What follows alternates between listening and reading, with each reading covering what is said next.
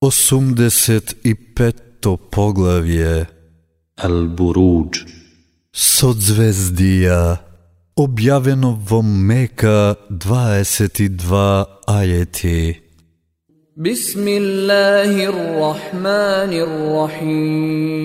Во името на Аллах, се милосниот, милостивиот. Се колнам во небото звездено и во денот веќе одреден, и во сведокот, и во посведоченото. Проклети нека се тие што рововите ги ископаа и кои со оган и гориво ги наполнија, кога околу него седеа и беа сведоци на тоа што на верниците им го правеа.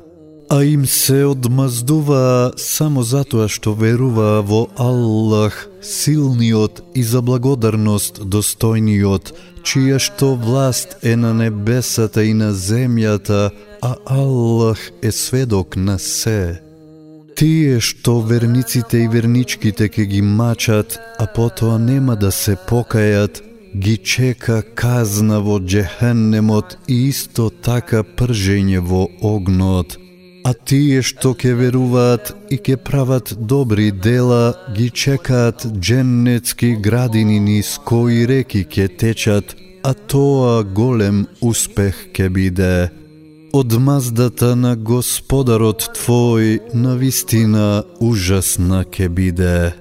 Тој од ништо создава и повторно тоа ке го направи.